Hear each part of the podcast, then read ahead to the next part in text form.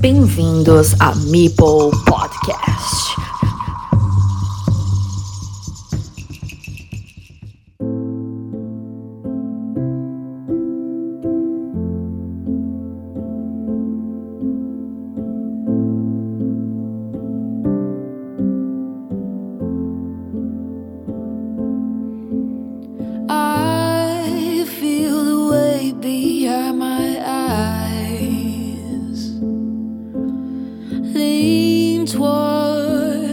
Color that lies within.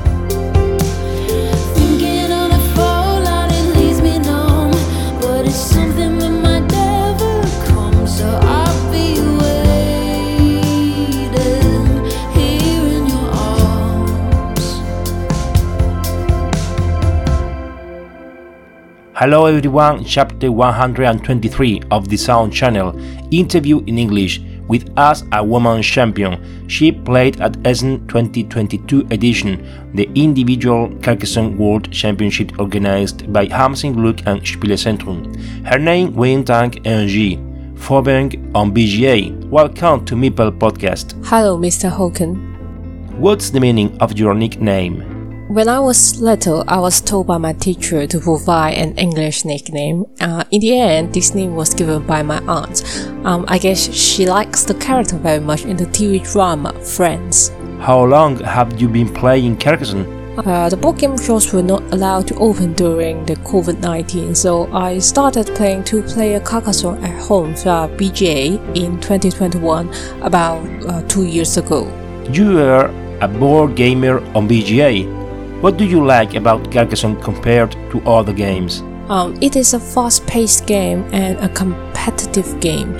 You need some luck sometimes. Tell us the way you have improved your level in Carcassonne. Um, I do think Carcassonne is a game that needs experience, so I play it very often.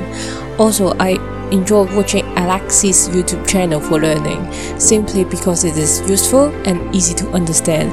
I will introduce this channel to all of you who would like to play Carcassonne in a competitive way. Do you prefer Carcassonne online or face to face? Um, I personally prefer online battles since the game is easy to handle and each and each round is relatively short. Um, I would prefer playing online for this kind of simple setting game. 11th place in the last World Championship at Essen Festival. Are you proud of your position? Oh, yes, I never thought of ranking in the top 20, as my performance is not always stable. Who was the strong player for you in Essen? Um, I think all of them, uh, because they are the best of the best players. As I mentioned before, I'm not a player with steady performance. I always think that luck drives me there, and so I respect and admire all of the players. Tell us about your experience in Germany. Travel, the tournament, and the festival. This was my first trip to Europe. Um, everything is new to me. Essen is gorgeous and the food is good. Going to this exhibition in Essen is on my bucket list. It is my honor that I can join the competition and visit the exhibition at once. Also, it is so great I can take a picture with Mr. Carls, the author of this game. My wish comes true. What would you highlight as the most important thing from this international competition? Uh, I think it is an unforgettable memory for me. It was so great that I could finally meet the BGA players in real life. Also, the atmosphere was nice. Uh, it was so good that the people among us were all fascinated by this game and we can share thoughts and will there. Would you like to repeat this experience? Yes, of course, it's fun and exciting, but it will be a long journey from my hometown to Europe. Living is not as cheap as Asia. I would like to join later, at least not these few years, I think. Would you change anything about the organization of the tournament? Um, no, I guess I always enjoy being one of the participants there. Hong Kong is a big city with millions of people, but are there many players of Carcassonne in your location? Um, I think that most of the board game players know Carcassonne, but they might not treat it seriously, just are treating it like a competition. So I guess there are not many players in Hong Kong. You know, players like me, I have already been thinking of playing as a leisure player after being a champion in Hong Kong. The World Team Carcassonne Online Championship 2023 has recently started, but you don't take part on it. Why? There are two reasons. First, I guess I'm not qualified because I did not join the Hong Kong membership program. Second, I think the competition will be a great opportunity for potential players to gain experience from this great event. Like me, I learned a lot from last time. What's your favorite national team for winning the WTCOC? Uh, I don't have any favorite team. However, I will bless everyone who I met in Essen competition with all the best in their online game, and all players can enjoy their moments of this online event. Give us a forecast about the final teams RCP, Germany, Japan. Um, while I would hope for surprises, I would expect Japan to claim a fourth years of dominance. Besides Carcassonne, my other favorite game is chess. Do you like chess? Oh, I know how to play chess, but I'm not a big fan of it. It is more complicated than Carcassonne. Talking about chess, The Queen's Gambit is an amazing TV show, by the way.